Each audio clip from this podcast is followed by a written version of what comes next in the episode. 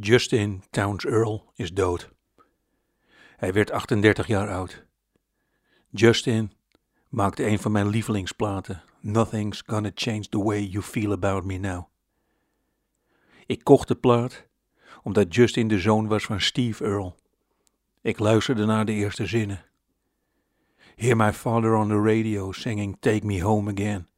300 miles from the Carolina coast and I'm skin and bones again. Sometimes I wish that I could get away. Sometimes I wish that he'd just call. Am I that lonely tonight? I don't know. Vooral over dat telefoneren.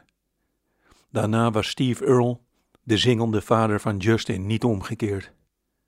Het was de genadeloze eerlijkheid die mij trof. De zoon zijn van de beroemde vader.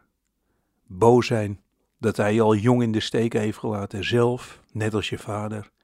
Aan de doop gaan, zelf, net als je vader, gitaar leren spelen.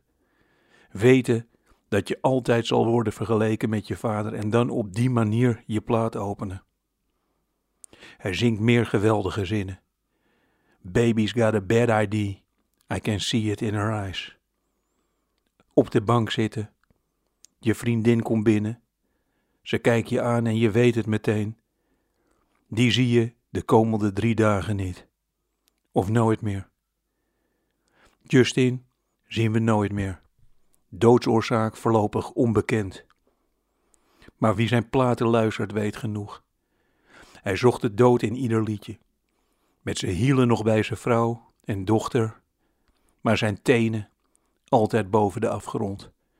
Zo makkelijk om je langzaam voorover te laten vallen.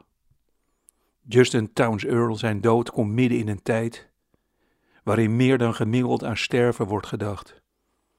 Ik liep gisteren door de Warmoestraat en ik telde 43 mensen die de dood of de dood van anderen niet vrezen. Laat ik het zo zeggen. Het was niet mijn beste week.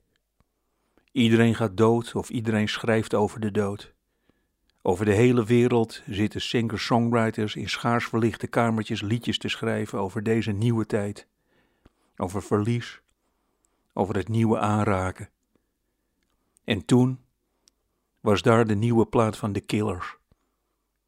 Ook zij zingen over de dood, maar ze vallen er woest op aan. De liedjes klinken groots, ze doen denken aan vervlogen tijden, nog maar zes maanden geleden. Aan volle stadions de hele plaat één grote middelvinger naar depressie. Prachtige zinnetjes.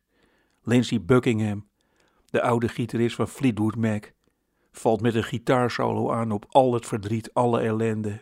En je denkt, het komt goed.